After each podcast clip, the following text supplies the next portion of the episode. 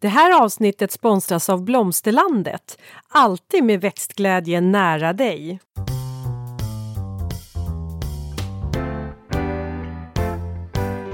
Välkommen till Ulrika och Lindas trädgårdspodd och det är jag som är Linda Kjellén, trädgårdsmästare. Och det är jag som är Ulrika Levin, trädgårdsdesigner. Och idag, kära lyssnare, så ska vi prata om växter vi kan odla i vår egen trädgård som är hälsofrämjande. Vi ska alltså lära oss hur vi kan skapa vårt eget hälsotek i vår trädgård. Alltså inte ett apotek utan ett hälsotek. Och eh, till det eh, så har vi en gäst med oss i programmet som, och det är nämligen eh, du, Annika Kristensen. Hej och hej, välkommen! Hej, hej Annika! Hej. hej på er! Jätteroligt att få med er. Det, ja, det tycker vi också. Vi är båda väldigt spända på att få ha det här samtalet med dig eh, och lära oss om ett hälsotek. Eh, men innan vi börjar prata så måste jag bara ställa frågan till dig Ulrika. Vad har du pysslat med senast vi träffades? Kan du tänka dig Linda, jag har jobbat. Där jag jobbat. Ja, nej men jag har, åh, du vet jag har varit ute på så härliga tomter. Ibland blir man ju fascinerad över över alla dessa olika ställen jag kommer till. Och nu var jag ute i Norrtäljekusten, Roslagskusten. Eh, fantastiskt läge eh, med det jag ska, där det byggs en pool och jag ska fixa till området runt omkring det. Bara vatten så långt ögat kan nå hav. Ganska härligt. Vilken arbetsplats du har då. Ja, ibland är det inte dumt att vara designer. Ulrika Levin. Mm, inte det heller. du då Linda?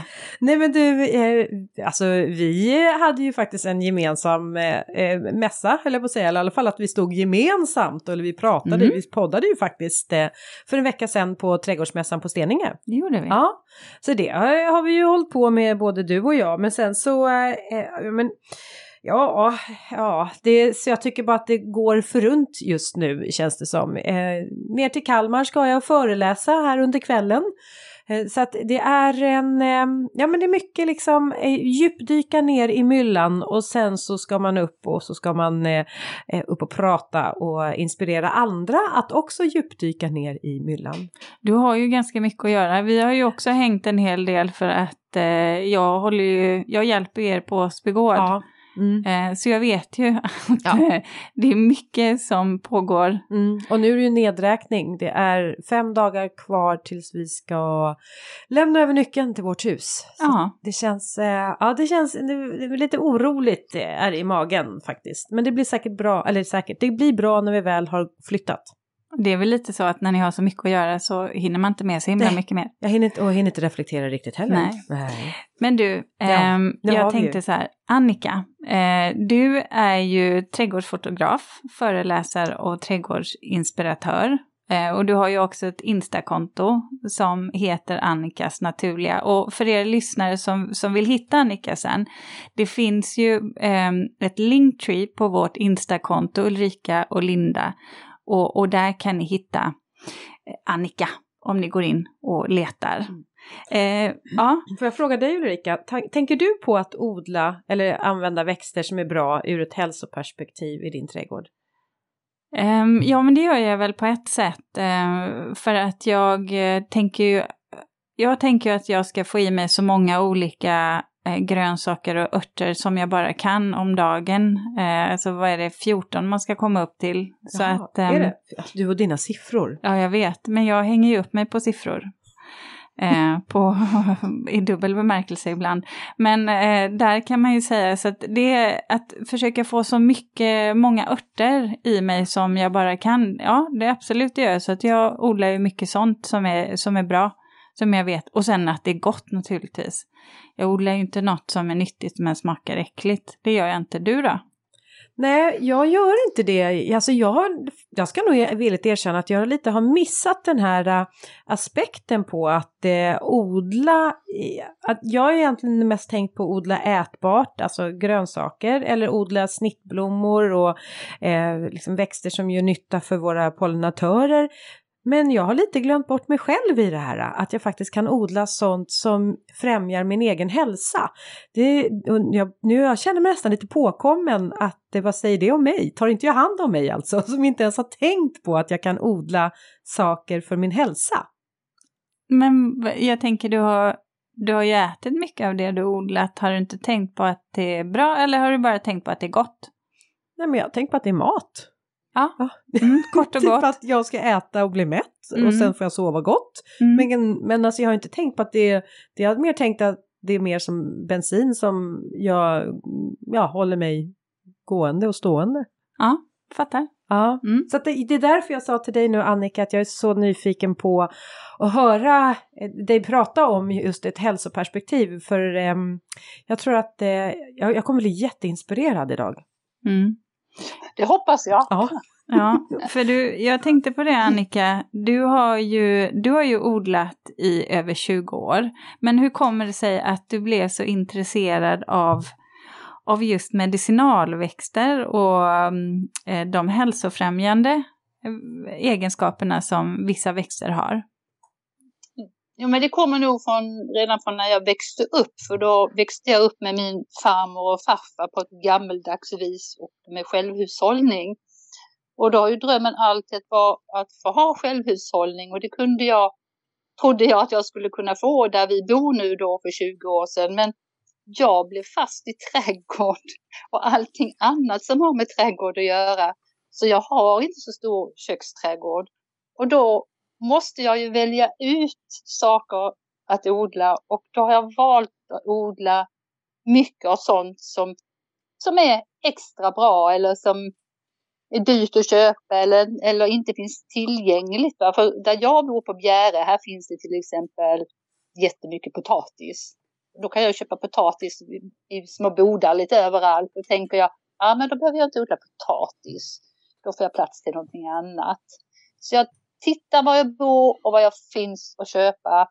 Och så odlar jag det som saknas. klokt urval där.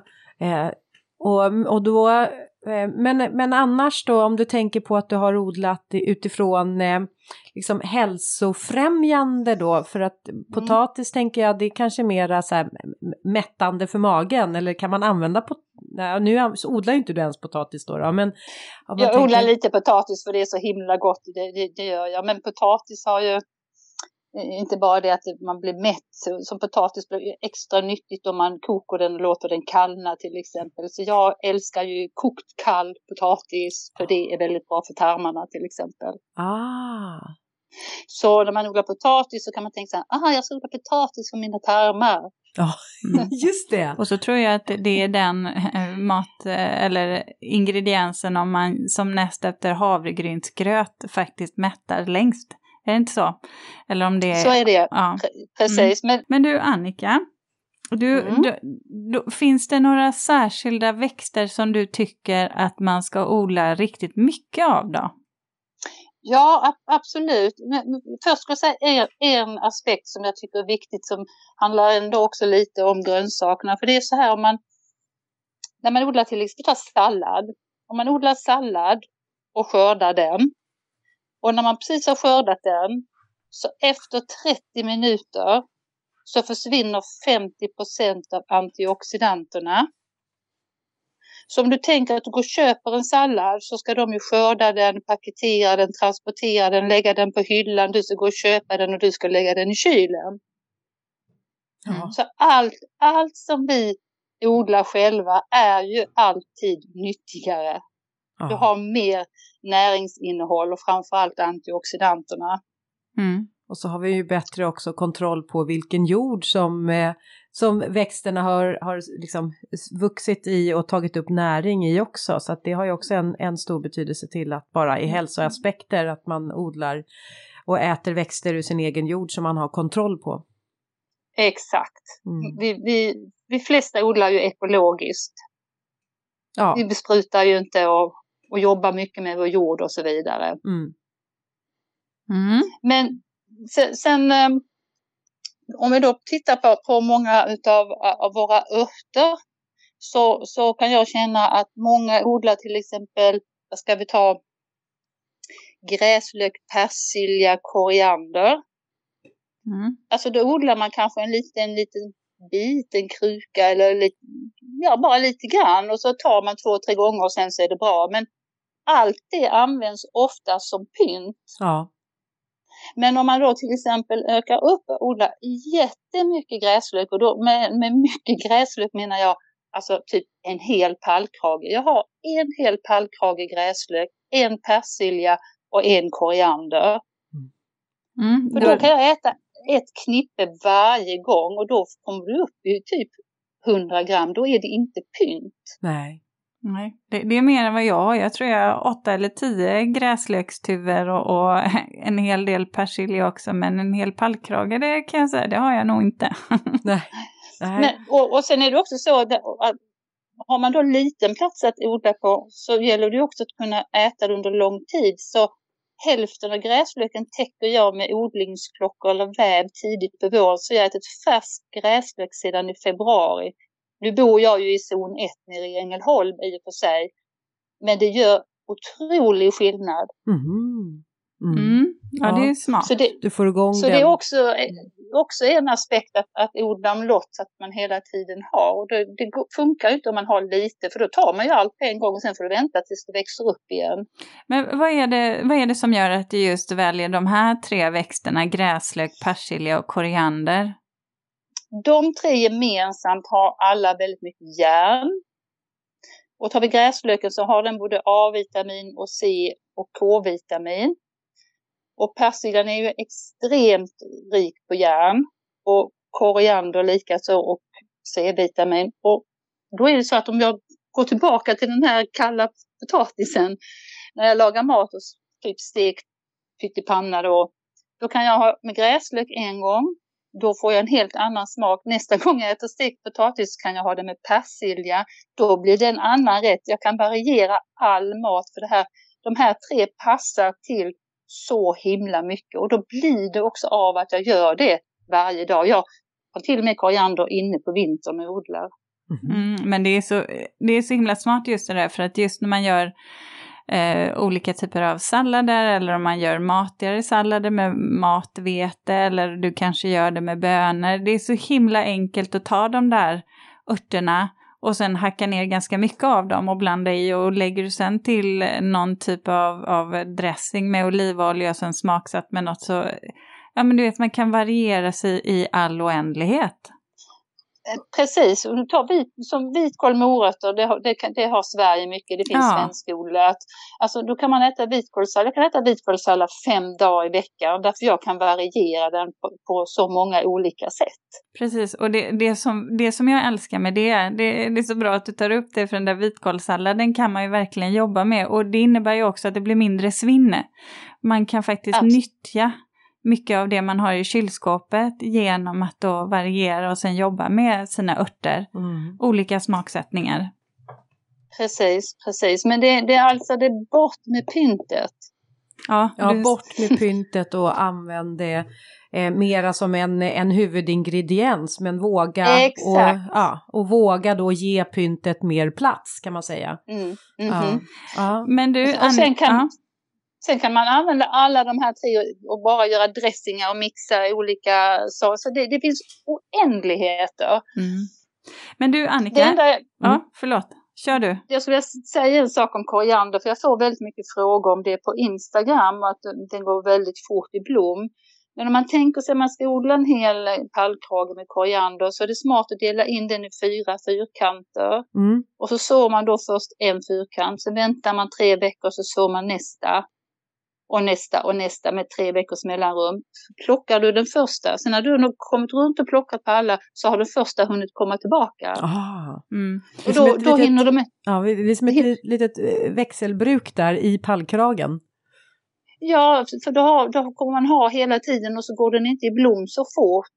Mm. Och det jag brukar göra faktiskt just med koriandern där att vissa låter jag gå i blom för att om man sen plockar av fröna, så, eller frökapslarna, så är de faktiskt jättegoda att ha i matlagning också sen i höstens grytor och vinterns grytor som man gör. Jättefin Ja, smaksättare.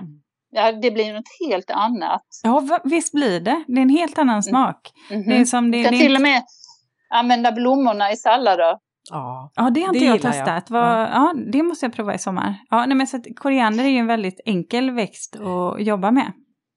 Mm. Sen är det så att för, för mig så är det ju då mitt mål är att kunna äta något färskt odlat varje dag just för att det blir ju då så koncentrerat. Jag, jag är en sån där som äter väldigt mycket groddar också. Då skördar man från burk till mun typ. Mm. Men just att få det här levande varje dag. Och jag kan säga, när jag är ute och jobbar har jag en ampel med persilja i min bil. Ja. För vet man fotar så, ja, men så fotar man fram till klockan 11. På ja. Ja, men fotar man fram till klockan 11 på kvällen och så ska man åka och äta någonstans. Ja, då är det pizza, pizzeria oftast när man är någonstans man hittar. Och, och jag tycker väl det är gott med pizza, men för mig är det ingen levande mat. Då kan jag gå ut och hämta min persilja så kan jag klippa persilja över den.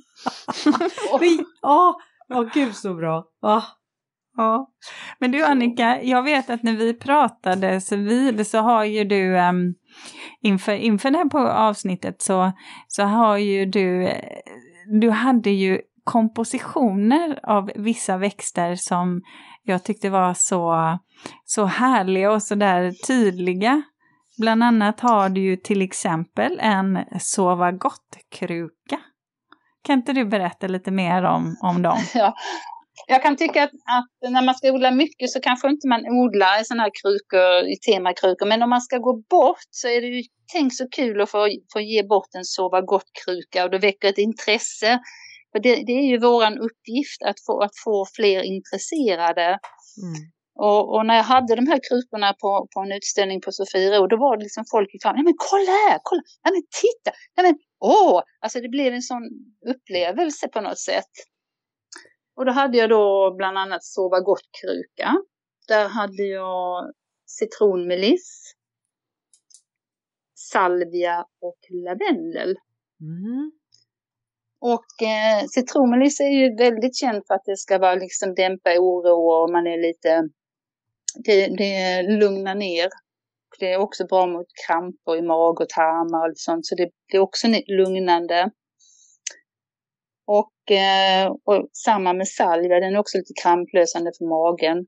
Och lavendel är ju superkänd just för att lugna ner både på insidan och på utsidan. Så hur använder du av de här? Är det, gör du teer eller avkok eller vad? Precis, då gör jag te. Det här är tekrukor kan man nästan säga. Ja. Det finns matkrukor också men det här är en typisk tekruka. Okay. Så det här plockar man och, och, och, kan torka då också inför vintern. Mm. Hade, du någon, hade du någon annan eh, kruka? För du sa en matkruka. Eh... Ja, då hade jag en pestokruka. Hade jag. Och i pestokrukan har, har, hade jag gräslök, persilja och en basilika. Mm. Mm. Det är ju gott. Om, ja, och, och då finns det ju en uppsjö med, med basilika och då ska jag vilja tipsa om en basilika som är väldigt hållbar. Och den stod i kruka från den 8 juni till den 10 september. Oj. Ja. Och det är en basilika som heter Krimbasilika tauris. Mm. Jag kan skriva det så att ni kan, ja. för det är kanske många som frågar det sen. Mm. Den är lite stadigare i skälken och har röd skälk och den är otroligt stark så man behöver inte använda så mycket. Men, och så håller den mm. väldigt bra. Och det är samma sak, där har du tre. Då kan du göra en um, gräslökspesto. Nästa gång gör du en persiljepesto och sen gör du en basilika. Ja, men då kanske gräslöken har hunnit komma tillbaka. Mm. Låter, och sen så vet jag att du hade en som jag tyckte var lite rolig, som du kallade för minneskruka. Ja, och i den här hade jag persilja, rosmarin och salvia. Mm. Och då mm. vet jag att persiljan med sitt järn, har vi järnbrist då blir vi lite trötta och tänker inte så klart, eller hur? Mm. Ja. Och så har vi rosmarin som har en, um, en olja som heter siniol. De har, alla de här örterna har ju esteriska oljor och denna ökar liksom genomblödningen i hjärnan. Mm. Och det gör ju också att man får bättre koncentration och har man bättre koncentration, ja då blir det bättre minne. Mm. Och det är någonting som jag kan känna, alltså för er som lyssnar, att googla på det här och se vad ni hittar på det. För allt sånt här kan man läsa på många ställen och det är bra att läsa på många ställen och ser man att det står samma sak på tre ställen, ja men då, då kan jag köpa det. Mm, mm. Typ så att man är liksom lite observant. Ja och vi, vi ska väl säga så här att det är ju inte mediciner du ordinerar nu utan nu finns det växter som har saker som är bra för hälsan men det är ju inte så att du påstår att eh, det, det ersätter olika mediciner här nu, utan det är som du säger, man får titta och googla och så får man ändå se att örter har eh, bra eh, saker för oss. Ja, och det är ju lite som därför tillskott. också som jag vill, vill, att det ska heta hälsotek istället för apotek. För har man krämpor så, så är det ju läkare i första hand såklart. Verkligen. Och ska, ska man bota sjukdomar och så tycker jag att man ska gå till någon som verkligen kan det här. Och då tycker att hälsotek det blir liksom husapotek, feelgood, förebygga. Det blir liksom ja, som vad man kan göra. Mm. Mm, precis. Ja, men det är bra, det är men, bra att klargöra det. Och sen hade jag salvia den också och där är också en olja som ökar genomströmningen och förbättrar syretillförseln. Hur, men hur, gör ganska... du, hur gör du då för att liksom ta tillvara det här? För det här är inga teer eller är det te? Jo, det är jo. fortfarande te. Okej, okay, det här är också te. Så att minneskrukan mm. och sova gott-krukan kan man säga är te. Och sen hade vi ja. matkrukan som är då eh, mera matäta. Ja, mm. ja. Och eh, sen har jag en till som är favorit. Mm. Och det är en förkylningskruka. Ja. Och där, Ja, den, den är... Den är jag gissar alltså, på att det är en pepparmynta där i. Nej, ja. Nej. Ja, absolut. Ja. Pepparmyntan är den bästa myntan som ger mest effekt och den är ju då väldigt bra mot snuva. Och man då ångar, man kokar upp i vattnet, ja. lyfter bort en handduk och så ångar man. Så blir det eh, slemlösande. Och det, det kan jag säga, det hjälper. Okej, okay, ja. Och sen har vi salmian som är jättebra för halsen. Så fort jag börjar känna att man har ont i halsen så kokar man upp vatten. Lyfter av vattnet så att bubblorna lägger sig, lägger i sina örter på med locket och så ska du stå och dra 5-10 minuter. Och så gurglar man ner i halsen. Och jag har inte varit förkyld på fyra år. Mm. Men det kanske blir det imorgon. Ja, precis. ja, precis. helt, helt ovanligt. Bara ett konstaterande, ja. inte ett vetenskapligt bevisat faktum. Nej. Nej. Och sen har vi då timjan som, som är bra för hosta. Mm. För det är lite slemlösande. Ja, okej, okay. timjan också. Då, då, ja, precis. Är det alla typer av timjan egentligen som man kan använda sig av? Ja, det tror jag, för det är just den, den eteriska oljan som... Mm. som eh, mm. Det är bara det att det blir olika smaker då. Ja. Linda, visst är vi stolta över att ha en sponsor till dagens avsnitt? Ja, och det är Blomsterlandet. En trädgårdsbutik nära dig med butiker över hela landet och en e-handel som är öppen dygnet runt. Välkommen! Sen, sen vet ju jag, eh, för vi pratade ju om det här, jag vet ju också att du torkar mycket, eller sånt som du ofta har i överflöd av Annika när du odlar, så torkar ju du det. Och det där, där tyckte jag det var så roligt för du, du eh, torkar ju bland annat äpple, tomat, lök, oregano men också jordärtskockor. Och då blev jag lite fascinerad. Vad, vad, att, torkade jordärtskockor? Ja. Vad gör du ja, av dem men... och hur gör du? Alltså, det, ska vi säga här, det finns ju två olika sätt att torka på, eller det finns flera, men man, lufttorkar det gör man med alla örter. Men ska man torka äpplen, och jordärtskockor och tomater då krävs det en torkapparat av något slag. Okay. Och en, en, mm. tork, ja, och en torkapparat den halverar tiden från en varmluftsugn till exempel. Mm. mm. Men har man överflöd som, som jag har, som jag har så mycket äpplen så kan jag ju torka lådvis med äpplen varje år. Det har jag gjort. Gjorde jag till och med när jag jobbade på förskolan torkade jag till, till barnen typ. Och, men just det här med jordärtskockor, det är ju liksom, då skivar jag dem och torkar dem i en torkapparat. Och sen har jag dem och tillsätter typ när jag ska göra potatismos eller potatisgratäng. Så kan jag lägga i de här så jag får den här goda smaken av jordärtskockorna plus alla de näringsämnen som finns i jordärtskockor. Framförallt då för tarmarna när det gäller jordärtskockor.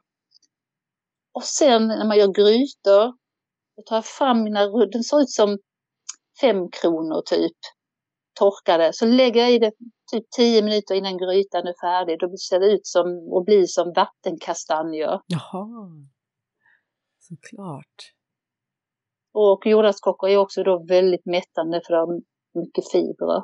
Hur smakar de när de är torkade? Skiljer de sig i smak? Jag tänker på eh, både tomater och äpplen blir ju mycket mer kraftfulla i sin smak när man har torkat dem. Är det samma med alltså, jordärtskockor? Det här var en jättebra fråga. För en av fördelarna med att torka det är just som du säger att det blir så koncentrerad smak. Mm.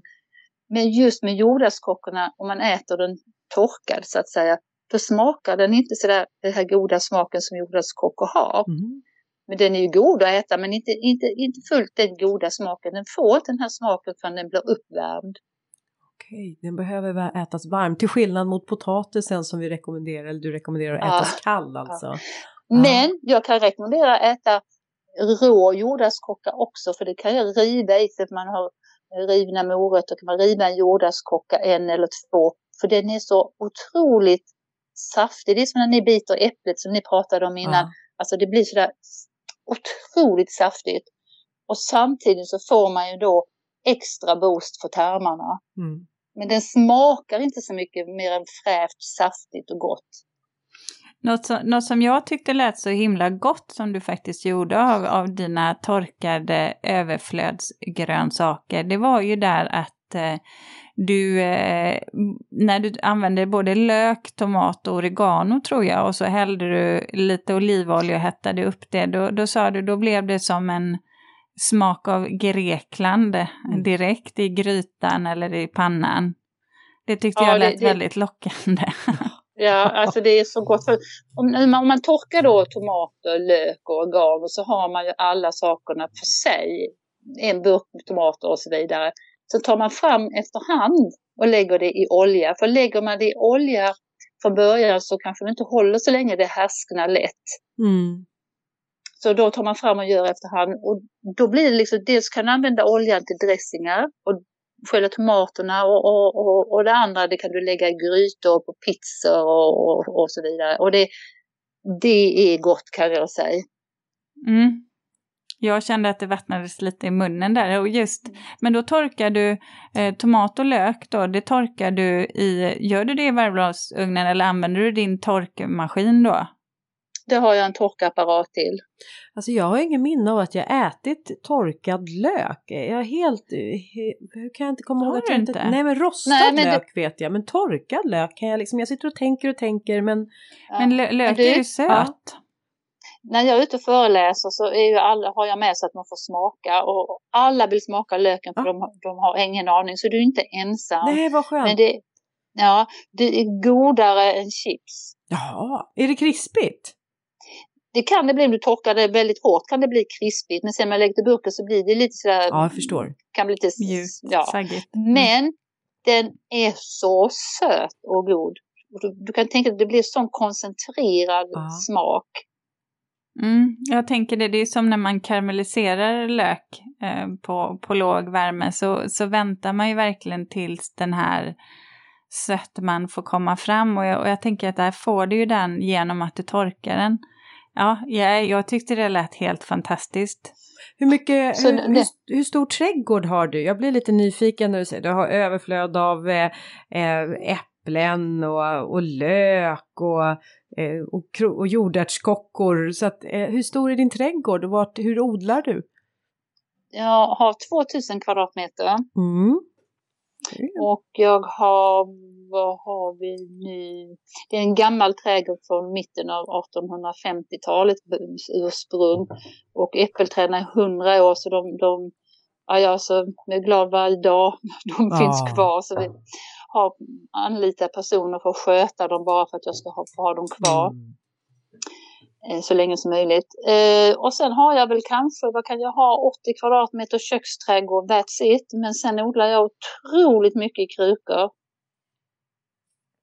Just krukor och balkonglådor och som nu har jag en hel balkonglåda koriander för vi har haft det väldigt kallt som jag har haft i växthuset. Men du kan bara hänga ut den någonstans. Mm. Ja, så du har ett växthus också som du kan odla i? Ja, ja jag har mm. ett på 30 och ett på 5.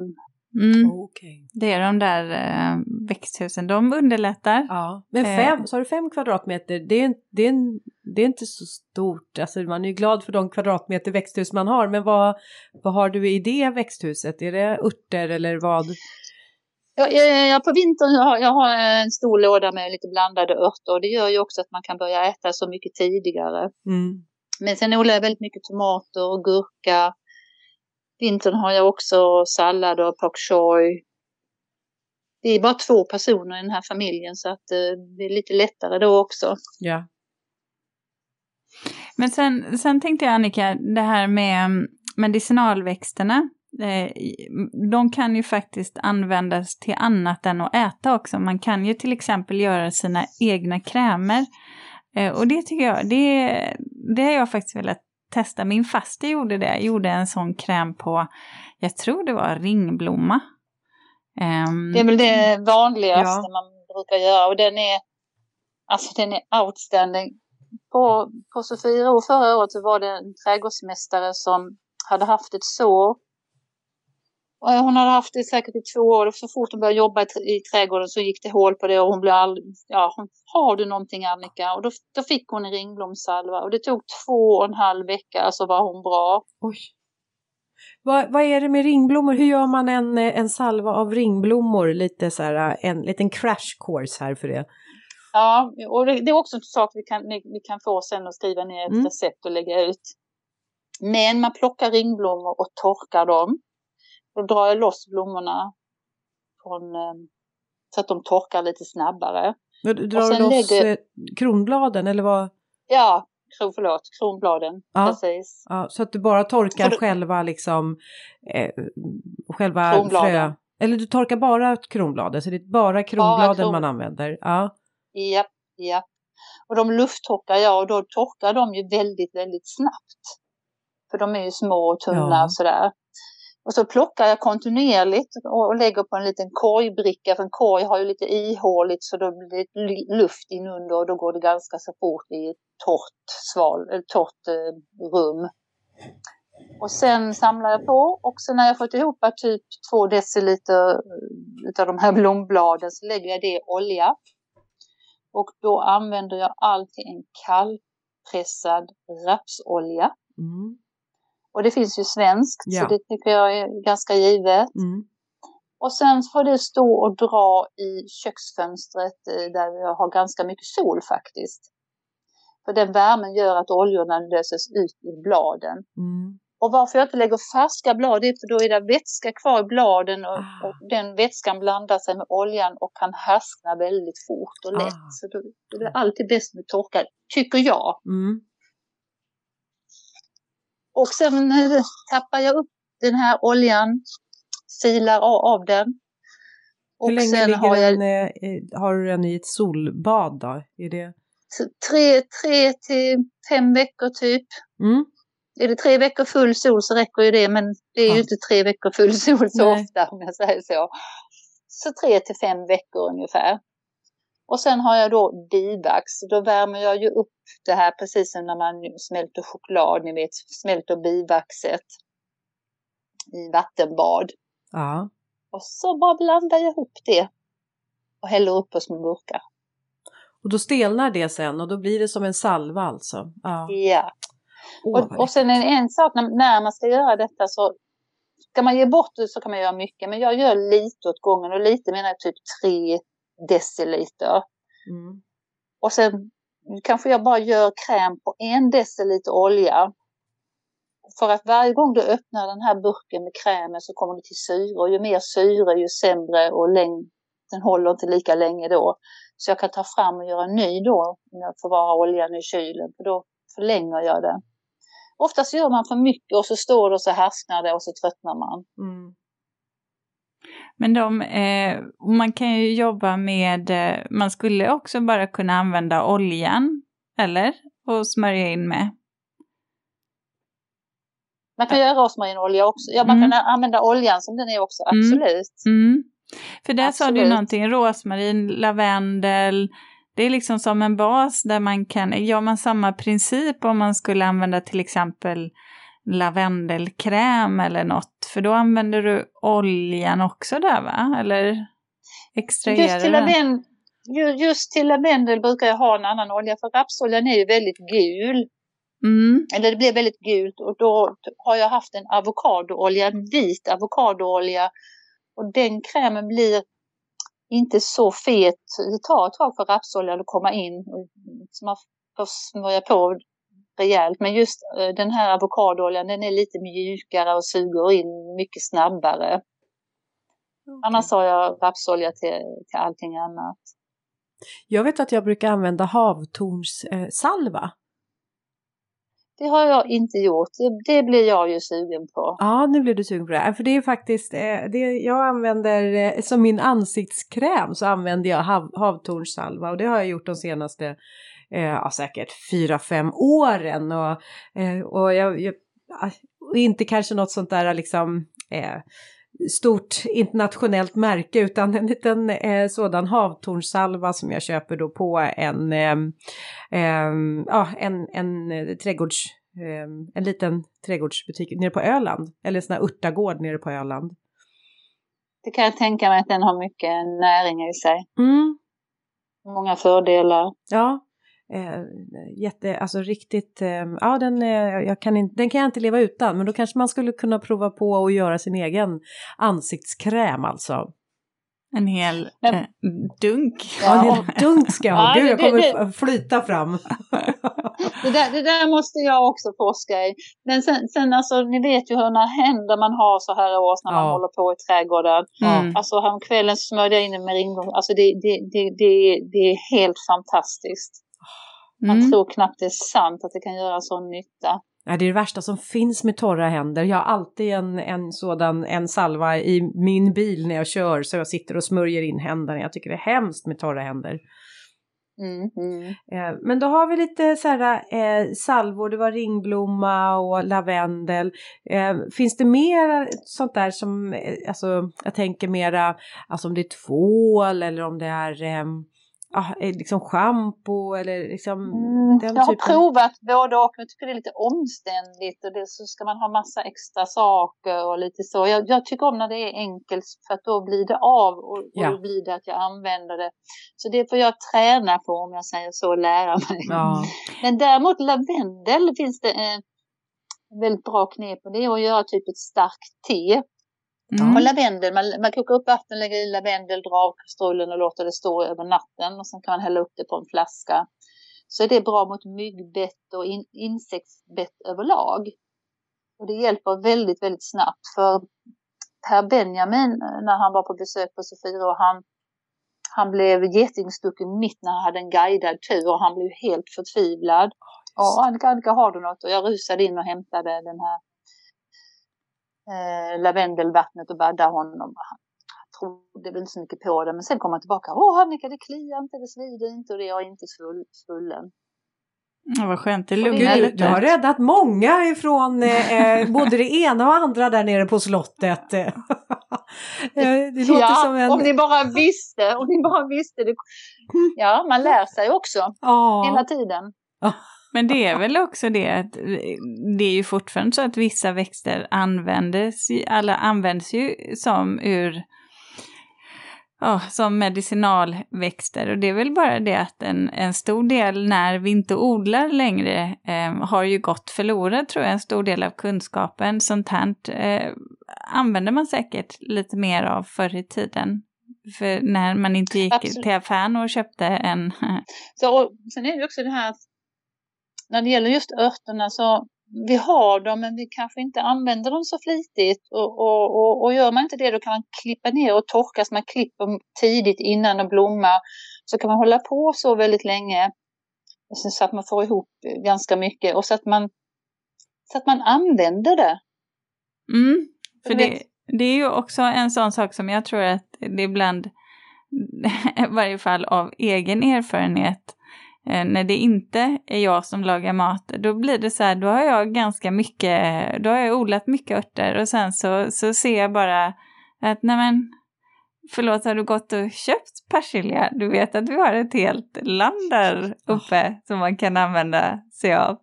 Just det där att, att det kanske inte används i, i slutändan. Och det är också lite synd. Och det handlar väl, ja, men det handlar väl just om, eh, alltså dels ehm, eh, okunskap vad man ska använda det till, men nu i, i ditt fall kanske också att eh, eh, ja, men, ah, man var ju ändå i affären så att man, ah, så vi får, vi inte riskerar att stå utan, så vi får en komplett, man vet ju inte. Eh, sådär att, eh, ja, att det handlar, jag tror att det handlar mycket om en träningssak, att lära sig, jag väljer Exakt. bort saker i butiken och använder det hemma. Mm. man kanske behöver välja bort det en tre, fyra gånger medvetet medvetet liksom säga till sig själv för att liksom få in det att det är samma sak som det jag har hemma.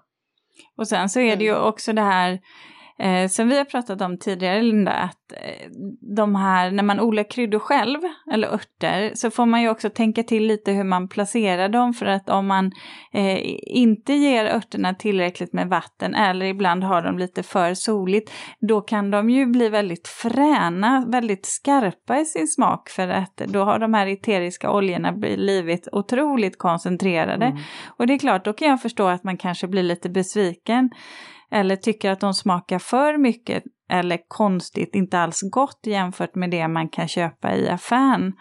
Så att man får ju tänka på vilka örter som kanske ska finnas var. Och sen Annika, ja. jag, vet, jag vet att du nu, eh, du, du hittade en, eh, en eh, ört som du har eh, letat efter som du blev väldigt glad över att du fann. Vilken tänker du på nu? Jag tänker på en bredbladig gräslök. Ah, ja, ja, ja, ja. ja. ja, ja den, den, för några år sedan så blev jag kompis med den och nu älskar jag den. Och den, den är så bra därför att den, för det första är den jätte, jättegod. Och sen, man kan ha den till allt utom till sill. Ja. Varför inte ja. sill? Nej, det skär sig lite vitlök. Nej, det, det, nej, det är nej, inte som gräslök. Om, omelett tillbehör, ja, ja det är klart kanske någon tycker det, men det, det, är min smak. Ja, det känns i alla fall. Och den, den blommar alltså efter den andra gräslöken så då får man ju också blommor till insekterna. För i och med man skördar hela tiden så snuvar man ju insekterna lite på blommorna. Så någonting måste man låta gå i blom så att det blir till insekterna också. Mm. Och då avlöser de här varandra. Och det tycker jag är himla bra. Ja. Sen är det ju en annan sak så här, om man nu inte har en jättestor eh, trädgård, så är det det som är så tacksamt med örter, är ju att man faktiskt kan odla dem även i en väldigt liten trädgård eller i, på en balkong. Eh, jag använder ju eh, många gånger just persilja, både kruspersiljan och bladpersiljan faktiskt i mina eh, sommarkrukor som jag gör. Så jag har både det ätliga och eh, det oätliga i samma. Nu vet ju jag att man ska vara försiktig också så att man inte av misstag, jag har ju inte någon giftig växt självklart i mina persiljekrukor, det vore ju eh, dumt. Men, vågar, eh, jag vågar inte bli bjuden på middag hos dig inte. Nej, men annars de är väldigt, många av dem är dekorativa, det är det jag vill säga. Ja. Sorry. Jag gör det på våren. Så, så odlar jag ju pansier och, och så de örter som tål kyla. För det kommer ganska mycket kryddor ganska tidigt. Och där har man ju till exempel eh, både timjan, rosmarin, om inte det är minus på nätterna, men de här första vårkrukorna. Det är jättefint. Och sen när pansierna har gjort sitt så tar jag bara bort pansierna och sen har jag ju örter. Ja. Mm. För då, då får de ju ta över krukan. För de, ja. Och det gör de också. Mm. Ja. Likaså pelargoner och, och um, pelargoner, salvia och rosmarin. För båda, alla de vill inte ha för mycket vatten och ska torka ut emellan. Så de är ju en himla bra kombo. Just det. Pelargoner, använder du av dem någonting i ditt hälsotek? Doftpelargonen har jag väl använt, eh, kanske inte så mer för hälsosamt, men när man bakar typ. Ja. Smaksättning också ja. Ja, ja. Sen, sen kan jag känna, alltså man ska ju framförallt, och det var du inne på Ulrika, man ska odla det man tycker om i första mm. hand. Ja, men så måste det ju vara. För då tänker jag, då blir det ju använt, alltså chansen är ju större.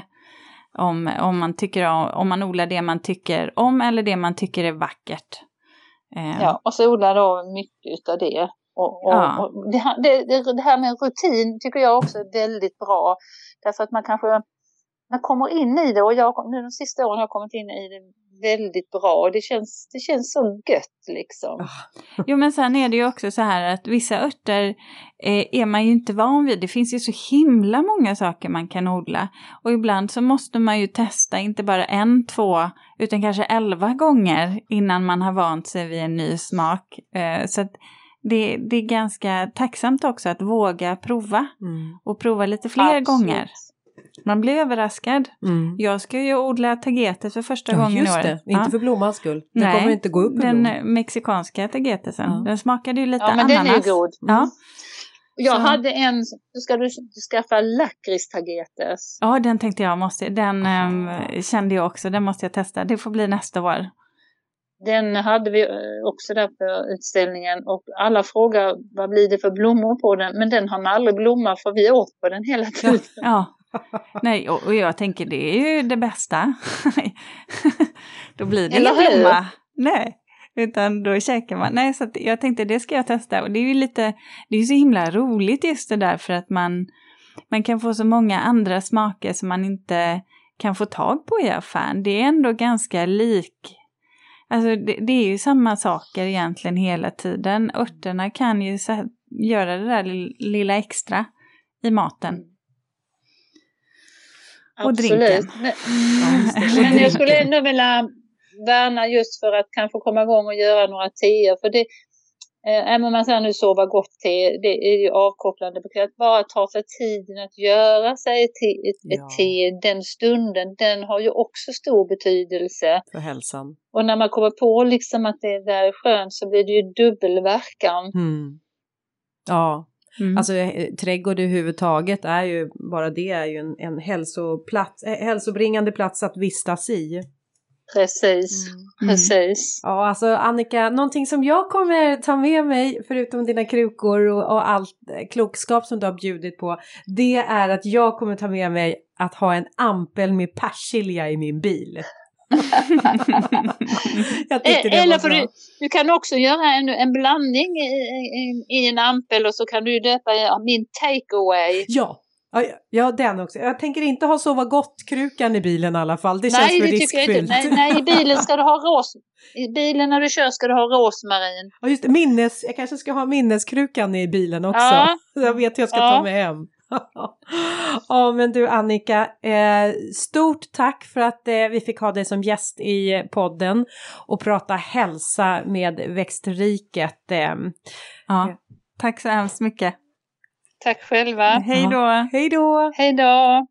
Efter det här Linda, ska, ska du odla något för, för hälsa, för din hälsa? Oh, absolut, jag fick en, eh, en liten så här uppvakningssignal att ja, men att det är tydligt att jag har lite glömt bort mig själv och glömt bort att trädgård kan ju gott för mig invärtes och utvärtes eh, och inte bara mätta mig till sinne och mage.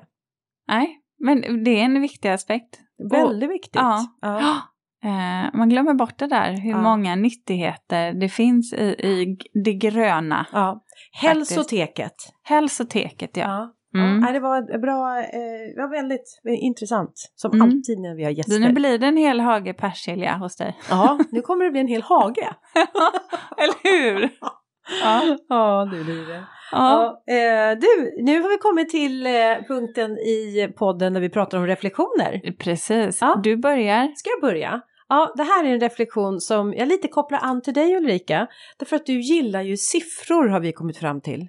Ja. Ja, Mm. Jag är inte så förtjust i siffror, men jag drabbas av dem. Jaha. och ibland så kan jag känna att siffror kan ha lite så här hemliga budskap. Alltså jag kan till och med ibland känna att siffror knyter an mig till mina anhöriga. Okej, lite mysticism där. Jaha, finns det ett sånt, eh, alltså vadå? Jag vet inte, jag använder det, det lite mer matematiskt tror Ja jag. men okej, säg så här då, vet du vad? Här om veckan så satt jag och pratade med min mamma i telefon. Och då började vi ju prata om eh, ja, men ålder och ja mamma, ah, hon är ju 74 år och då sa jag det ja och jag är ju 47. Vad rustigt om vi vänder på våra siffror. Då är vi så här 47, 74.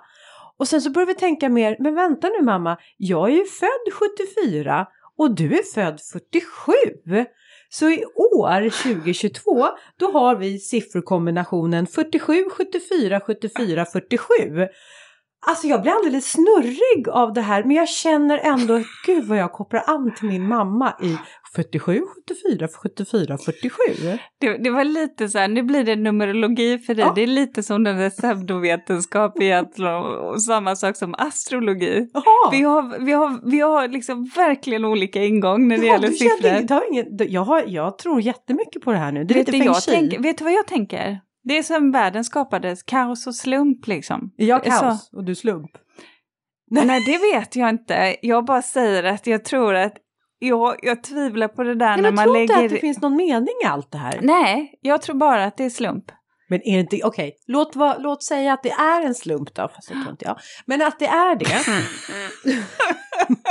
så är det inte en ganska häftig slump då? Kan man inte bli lite så här, oh oh, Eh, vi har någonting ihop? ja, ja, det har ni ju definitivt. Jo, men alltså även i siffrornas värld. Jag tror i alla fall att i år är det mig, jag och min mammas år. Mm. Det var väl fint, Ja, tyckte det är jag. fint. Det är fint. Det var en jättefin Mm. reflektion. Ja, och så min lämnar, lämnar vi numerologin. Ja, nu, nu, nu gör vi Därhän. nummer, du heter nummer, Numerologi. numerologi. Det är alltså en tro på eh, eh, att siffror, att man lägger en betydelse på Jaha. olika sifferkombinationer. Ah, du ser, jag visste inte att det Ja. existerade ens, men nu eh, är jag en av dem. Men tro på Ja. det. oh, Ja. Spooky!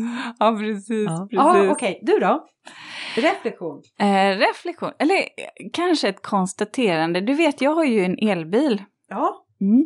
Vet du vad jag har tänkt på? Nej. Det är att jag undrar om det är så att när man skaffar elbil så glömmer man hur man parkerar. Ja, Ja. varför det? Man För tänker jag att tror att den förmågan you faktiskt försvinner. Ja, jag vet inte. Eller så någon krets som slutar funka. Jag vet inte. Ah, Nej, men så här. Magnetism. Nej, nej, nej, nej, nej. Så här vet du, jag ska förklara. Det är inte lätt att förstå hur jag Nej. tänker. Nej. Nej, men så här är det ju att när man ska ladda sin elbil och man ska åka långt. Ja. Som vi åker från Stockholm ner till Skåne. Då behöver man ju stå och ladda. Och då, hur länge man behöver ladda, det beror på hur mycket, eh, hur stark laddare, hur mycket kräm man kan egentligen få in i bilen. Eh, men grejen är att det är ju inte som att tanka. Det går inte bara på några minuter, utan man får stå där en stund. Det finns ju inte heller oändligt många laddstolpar än så länge. Det finns betydligt fler eh, elbilar. Men det gör ju det också att när någon har ställt sig fel på den där parkeringsplatsen som gör att man då inte Aha, kan ställa blockerar sig platsen. på bilen. Alltså då är man inte glad som elbilsägare kan jag säga. Och det händer titt som tätt. Men du Och menar jag att det är någon som inte- parkerar där, där du ska ja, parkera? man ställer sig på två. Aha. Eh, Och grejen är att man måste ju komma in ganska rätt på de här eh, parkeringsrutorna för att kunna komma åt eh, eh, laddsladden. Mm. Helt enkelt. Och jag har bara konstaterat att varje gång vi åker så är det faktiskt väldigt svårt att parkera rätt i de rutorna för många elbilsägare. Och jag blir så förvånad, för jag upplever aldrig det när jag parkerar på, du vet, vid snabbköpet eller Nej. men just där man faktiskt måste Men är det andra som Parkerare. laddar sina bilar som parkerar fel? Ja, Ja, men det kanske är så att de precis kom fram innan elen tog slut i jo, bilen. och så är de, de andra säkert inte, de används ju inte då, så då tänker man kan jag ställa men problemet är ju bara att man står det ganska länge och för de som kommer bredvid Ja. där så, så är det lite Okej, viktigt. Så du gör ett upprop nu? Ja, jag kan tänka mig att ehm, två linjer bilen ska vara innanför Ja. och sen så är problemet löst. Ja. Jag kan bara konstatera att det har hänt många gånger. Mm. Du Mm. har också en sifferkombination där, i alla fall två. Ja, eller ett, ett, ett aggressionsproblem Ja. sen. Ja, så kan det också vara. Ja, Ja, okej, vi får hålla koll på att vi står i rutan när Ulrika kommer. ja det är faktiskt det enda jag retar mig ja, på. ja, men det är okej. Jag Mm. håller faktiskt med dig. Mm. Det gör jag. Mm. Åh gud, nu du Ulrika, nu är det dags för nästa. Nu ska jag iväg och, och prata och föreläsa ännu mer. Ja, det ska Ja. du göra. Det roligaste jag vet. Mm. Ja, det är det. Mm. Tack för att ni har lyssnat. Ja. Vi hörs igen om en vecka. Tack, tack. Hej, ha det hej. bra, hej!